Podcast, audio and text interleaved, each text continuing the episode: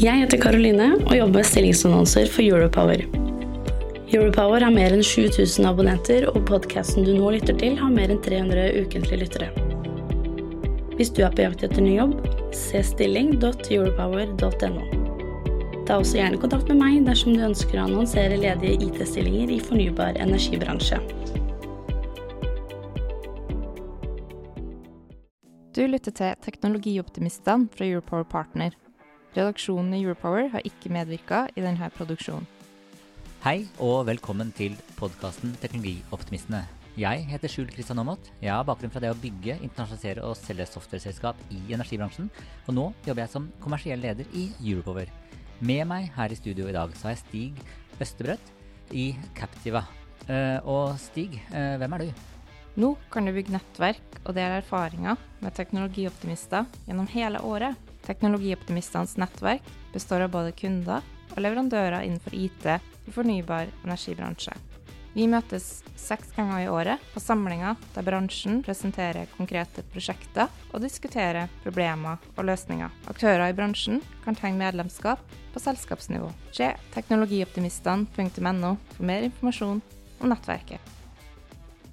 Ja, jo, takk for, uh, takk for det, Skjul. Jeg er Stig Østerbrøt um, og um, CEO i, i Captiva. Uh, min historie er uh, oppvokst i, i Egersund på Sør-Vestlandet, Rogaland. økonomiutdannelse, bakgrunn, siviløkonom MBA. Og gikk videre som, som, konsulent i Ernst Young, nå EI, som, som første jobb. Og, og, ganske kort tid etter det, eller det føles ikke så kort tid på den tiden, men etter en tre-fire år, så var jeg med og, og startet det som nå er Captiva. Og det har nå blitt eh, 16 år siden, så det, det begynner å bli en, en, stund siden. Hvordan vil kollegene beskrive deg? Eh, nå har du vært en stund i Captiva. Eh, jeg tror de vil beskrive meg som, eh, som engasjert. Eh, som en som eh, har vilje og evne til å, til å sette meg inn i, i fag og problemstillinger. jeg tror at Eh, jeg tror også de vil beskrive meg som ganske god til å drive prosesser med forretningspartnere. Jeg jobber mest på den forretningsmessige siden. Og, og ja, det tror jeg de vil, de vil, mene om det. Så tror jeg kanskje også at de vil muligens kommentere at jeg tidvis kan være noe fraværende, slash opptatt, slash lite tilgjengelig. Men det, det jobbes det med. og da, da går vi opp på temaet for i dag. Hva er, eller hvem er Captiva? Jo, Captiva er eh, Det er på en måte to måter å se på det. Uh, uh, først og fremst er Captiva en gjeng uh, entusiastiske folk som, som, er dedikerte til det de holder på med, og som ser på jobben som kanskje litt mer bare en vanlig jobb. Det er det veldig mange som gjør, men det gjør, gjør vi også. og, og denne gjengen er lidenskapelig opptatt av å utvikle og få, og få tatt i bruk teknologi og nye tjenestekonsepter for å få økt fornybar kraftproduksjon. det er det flere og flere andre også som syns at det kan være et kult sted å være, så vi blir stadig flere. Ja, hvor mange er dere? Ja, nå er vi nå er vi i overkant av 40. vi var i Captiva sitt kjerneteam, så var vi vel en 13-14 eh, for halvannet år siden. Det har nå passert nærmere seg 25. Er du en teknologioptimist? Har du lyst til å utgjøre en forskjell i energibransjen? Gå inn på stilling.europower.no for å se ledige stillinger akkurat nå. Hva slags mennesker er det dere har rekruttert av? Det er uh, i all hovedsak på den tekniske siden. Uh, ingeniør, uh, klassisk ingeniør på ingeniørsiden, og, og teknologer mer på den digitale siden. Det er jo de to fagene vi prøver å binde sammen. Uh, hvis du treffer noen i heisen og skal fortelle 'dette er Captiva', én setning. Ja, da er Captiva um, et selskap som skal tilby innovative løsninger i grensesnittet mellom kraftverksdrift og teknologi. Og hvem er det som eier dere? Vi er eid, uh, majoritetseid av et børsnotert selskap som heter Cloudbreak Clean Energy. De kom inn på eiersiden i januar i år og for øvrig er det ansatte. Uh, det, det, handler om teknologi. Uh, hvor er det smerten ligger i fornybar energibransje når det gjelder IT? Uh, hvor er det man har mest å hente? jeg tror eh, Som vi opplever det, så er det Jeg tror det ligger mye å hente i å ta teknologi i bruk. Altså det er uh, Så teknologien er der, men de bruker den ikke? Uh, ja, men det er, det er mange på, på Av de potensielle brukerne her, så er det en veldig stor skala. Eh, vi jobber i hovedsak mot de eh, små og mellomstore kraftselskapene. Eh, og der er kanskje potensialet størst i forhold til å ta i bruk tilgjengelig teknologi. For det er en, eg- det er en egen prosess og en egen, en egen greie. Mange av de store kraftselskapene har mange egne initiativer. men det er helt sikkert stort, stort potensial, der også. Så jobber dere med vindkraft, Mm. vannkraft og solkraft, eller solenergi. Mm. Eh, Hva er liksom, fellesnevneren når dere går inn i den type selskap? Hva er det dere kan dra nytte av av erfaring og teknologi på tvers? Det er, um, det er Det vil jeg si er to lag. På, på det fysiske så er det jo ganske klare forskjeller, altså rent sånn teknologisk. Så, så liksom det som man ser, ser på på eh, driftsoptimering, den type ting, på ana- analysearbeid på driftsoptimering, så er det kanskje ikke så mye å hente på tvers. Der som det er opplagt noe å hente, det er på markedssiden. Altså man forholder seg til det samme markedet. Eh, og eh, alt som går på, eh, og det er noe vi jobber mye med også, på eh, eh, analyser på prognostisering f.eks. på inntektssiden. Veldig aktuelt nå på eh, prognostisering med tanke på hyppige endringer i kraftpriser. Eh, også i forhold til fastprisavtaler, som er et, eh, et hett tema. eh, hvor eh, man har mange eksempler på både, eller spesielt produsenter som som har, tatt, har egentlig risket opp istedenfor ned, når de har forsøkt å riske ned. Eh, så så det, det, det, også, det også lage løsninger hvor, um, hvor man får uh, en god innsikt i utfallsrom og altså uh, risk-delen, ikke bare P50 og forventningsverdi. Men, men fungerer dette nå som spillereglene er endra totalt på, i kraftmarkedet? Ja, da det virkelig fungerer. Det er da Det det er da du trenger det. For da kan, da kan ikke en CEO si ja, vi gjorde sånn i fjor. Da må man ha data-driven management, er det det dere kaller det? Ja, ja, det må man ha. Uh, du må ha altså Jo mer volatilitet det blir på markedssiden, jo bedre verktøy og forståelse trenger du. Altså Data-driven er jo data er fakta. Eh, og, og uh, så i sin mest basale form så er jo sikkert alle, alle data-driven på et eller annet nivå. Men, men altså et eksempel er dette som var innom i sted, med, med um, når man lager prognoser f.eks. Bare sånn på inntektssiden med prognosene for resten av året på et kraftverk, så, så er det stort sett alle er det, er det det man gjør. Man beregner hva tror man inntekten vil være for året totalt sett.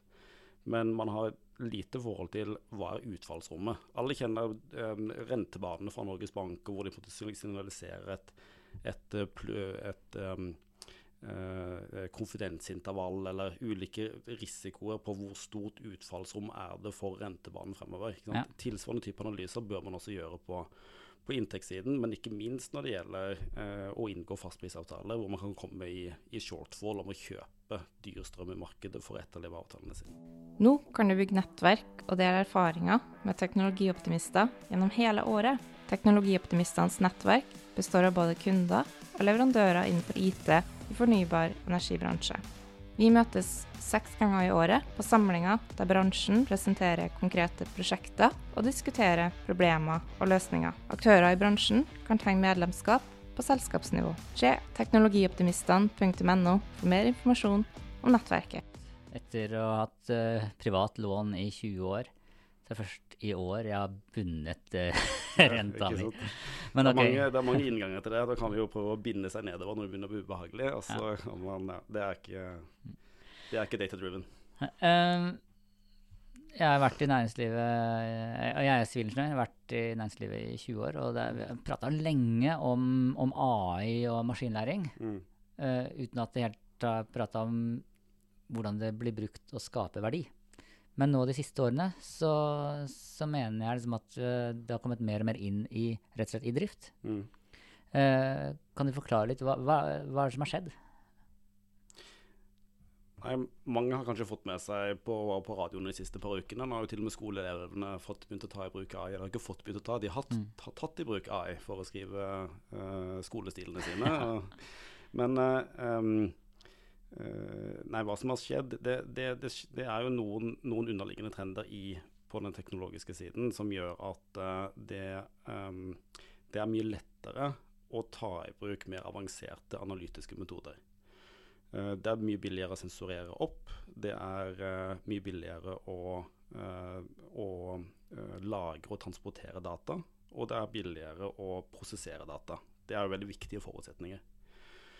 Og så, um, men så, så, så, er jo dette et fag og metoder som man, som man, som man må ta uh, Altså noen må holde på med det. Og man må ja. holde på med det til praktisk anvendelse på et, uh, på Ja, for det kan ikke bare være kult å Nei, poste på Facebook at se dette ble skrevet. Det blir litt sånn som uh, barna mine bruker Siri. Det er, det er gøy. Mm. og så få noen sånn julenissesvar, men, men det, må være, det, må være, noe helt konkret. Og, og der vel man ser utbredelsen klart mest, som har veldig konkret bruk, det er jo det som går på tidsserier.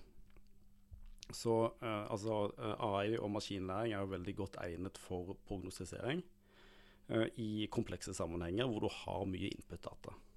og der er det jo mange som bruker det i dag. Det er veldig vanlig. På, kan du gi et konkret eksempel? det er head forecasting på, til, til spot-markedet, f.eks.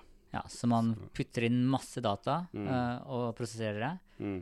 Og finner ut utfallsrommet til ja, da går det opp. Da, da, da, snakker jeg mot meg selv, men da er det på forventningsverdi. Ja.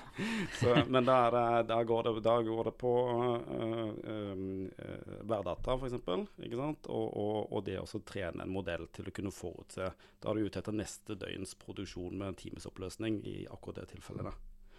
Så det brukes det til i dag på både vind og vind Er um, dagens toppledere modne for å ta dette i bruk? Altså, for det, ofte så jo, kommer jo teknologien først, og så, så, står kulturen litt i veien for at man tar det til seg. Tør de det? Nei, altså, øh, og betaler de for det? Da må vi over i synse-kategorien for min del. Altså, men, for jeg kjenner ikke så godt til uh, det totalt sett. Men jeg vil uh, Altså det som, av de som jeg møter uh, og, og, snakker med, så oppfatter jeg at adopsjonsviljen er stor. Uh, kulturelt uh, Jeg tror det. Uh, jeg tror det fordi at det er ikke Altså det, det, handler om å ta i bruk litt smartere verktøy. Og man trenger, man trenger ikke kunne disse tingene selv ikke sant, for å kunne gjøre det. Man må forstå, man må forstå hva de gjør, og man må forstå om, om, det er bedre. Men er det en type software as a service dere da tilbyr? Vi tilbyr det, men vi tilbyr også et hakk lenger og tilbyr data science as a service. For vi ser at det, spesielt på analysesiden, hvor um, altså Da begynner vi å bevege oss inn på sånn um, tilstandsovervåkning, f.eks. Mm. For, for, å, for, å, for å kunne ha en mer prediktiv vedlikeholdsstrategi, f.eks. Ja, for å sende det til, eller få inn service før det ryker?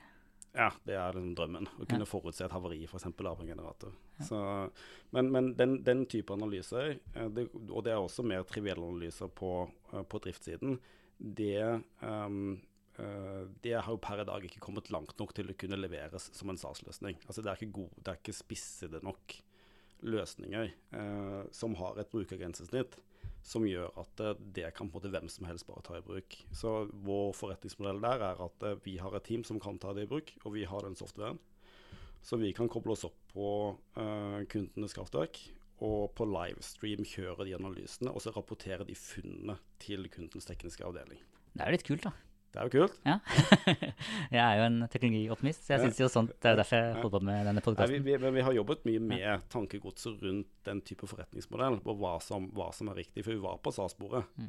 Men uh, det var egentlig to ting som gjorde at vi falt ned på den måten å gjøre det på. Um, og det ene er at uh, uh, det bygger ned terskelen for kundene å ta det i bruk, ved at man slipper data science-laget selv.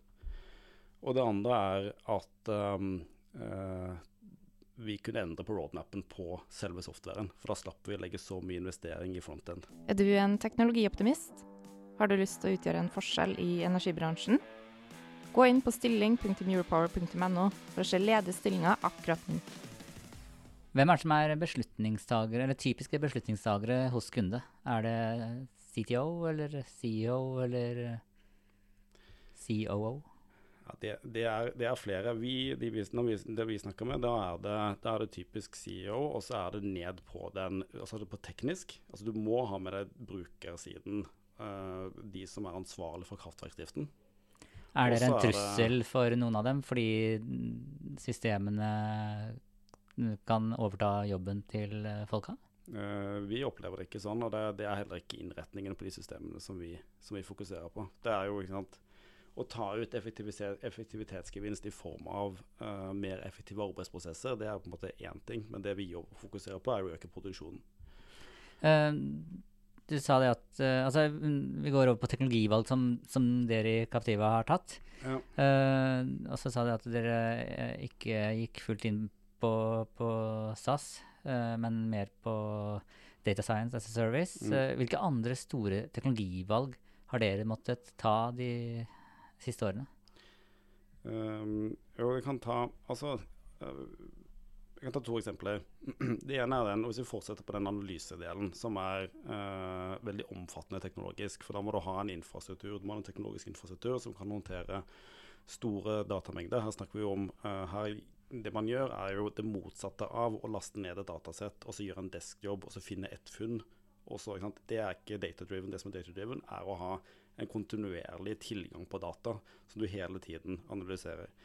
Og skal du ha 100 pluss sensorer på det er, dette på de minste kraftverkene, uh, og over 100 kraftverk og sekundfrekvens på de dataene, og kjøre dette opp i Så må du ha ganske robust infrastruktur.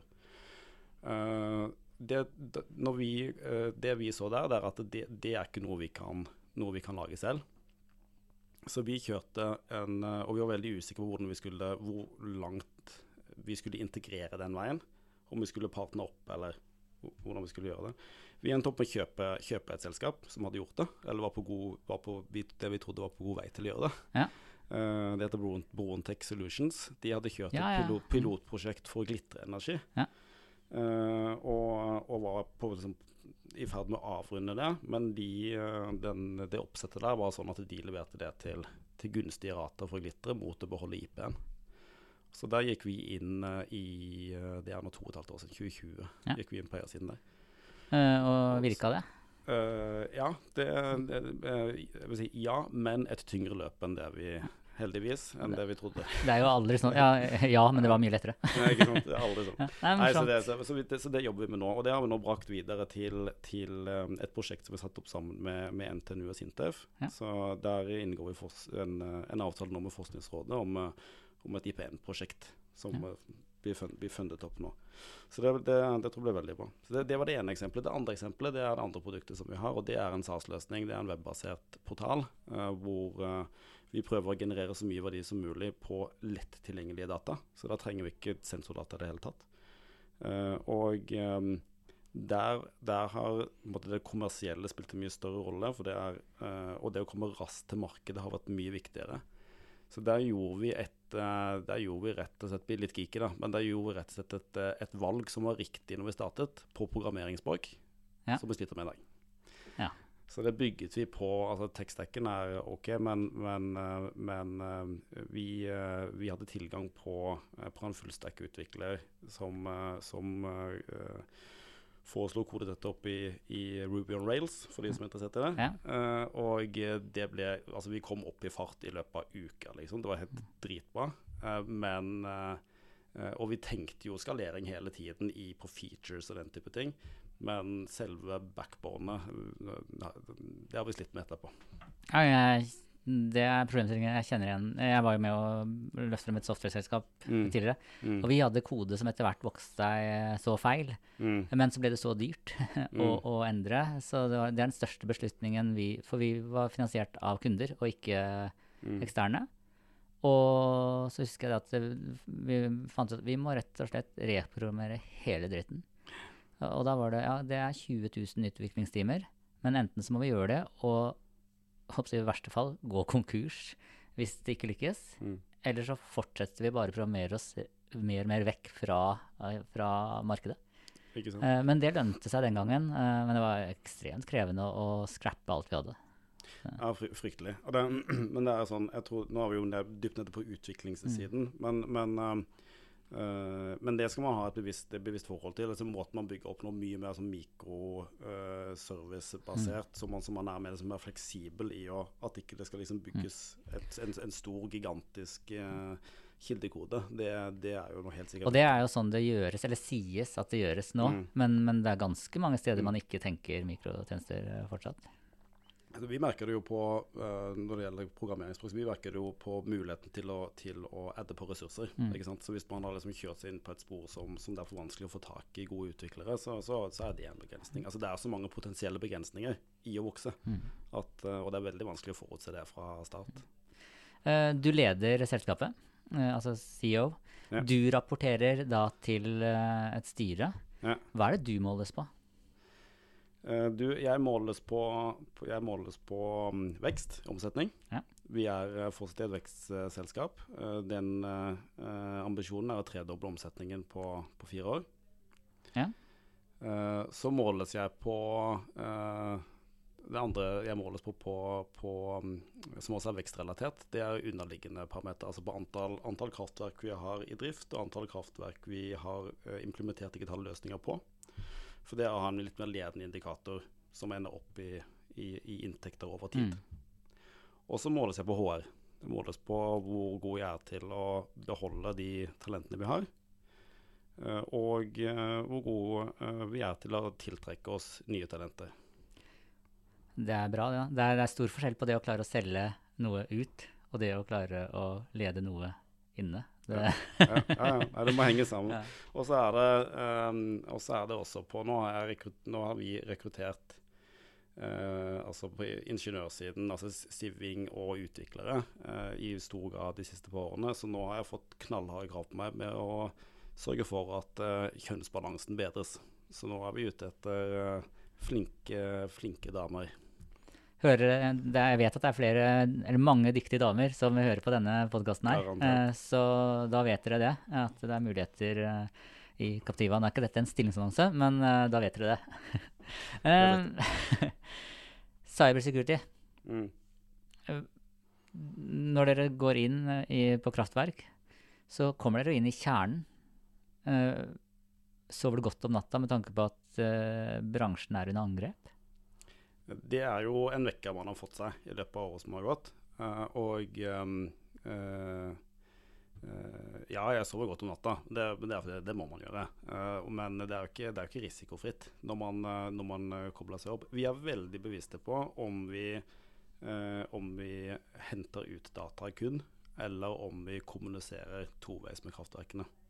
Det, det, det har mye å Mm. si. For altså, Én ting er om og noen kan få tilgang til, til sensordata. Det er, liksom hvor, hvor, hvor, det er en helt annen type risiko enn noen kan gå inn og så styre et kraftverk. Ja. Uh, der er det jo også en regulatorisk ganske stor forskjell på, eh, på størrelse på kraftverk, på hvorvidt man blir ansett som kritisk infrastruktur eller ikke. Ja. Så vi er jo hovedsakelig uh, under den størrelsen. Men vi må tenke cybersec selvfølgelig allikevel. I denne podkast-serien så har jeg et fast spørsmål som jeg pleier å spøke med at er det viktigste. Mm. Eh, og min første datamaskin var en Amiga 500, og det sier mye om en person hva slags første datamaskin man hadde. Hva var din første datamaskin? Jeg er veldig spent på hva det sier om meg, men, men eh, jeg må, Når jeg har hørt et par av disse podkastene, så jeg, jeg, jeg svarer faktisk det samme som mange andre. Jeg hadde en Commodore 64. eh, og jeg hadde deretter en Amiga 500, Mm. som ble oppgradert til en Amiga 1000. Så jeg var på en måte både før Du, og ja. etter det. Du var han jeg var misunnelig på som hadde Commodore 64. Og så var det et lite tidsvindu der vi var likestilt, og så var det han jeg var misunnelig på som hadde sant, Amiga sant, 1000. Uh. Eh, tusen takk uh, til deg, eh, Stig Østbrøt, eh, CEO i Captiva, for at du tok turen hit til studioet vårt eh, i dag. Tusen takk til dere som lytter, for at dere lytter. Eh, hvis ikke så hadde vi bare pratet ut eh, og ropt ut i skogen, men eh, takk for at dere lytter. Eh, og så eh, vil jeg avslutte med å si at jeg er en teknologioptimist, og så spør jeg deg, Stig, hva er du? Selvfølgelig en teknologioptimist og realist. Tusen takk. Takk skal du ha. Nå kan du bygge nettverk og dele erfaringer med teknologioptimister gjennom hele året. Teknologioptimistenes nettverk består av både kunder og leverandører innenfor IT i fornybar energibransje. Vi møtes seks ganger i året på samlinger der bransjen presenterer konkrete prosjekter og diskuterer problemer og løsninger. Aktører i bransjen kan tegne medlemskap på selskapsnivå. Se teknologioptimistene.no for mer informasjon om nettverket.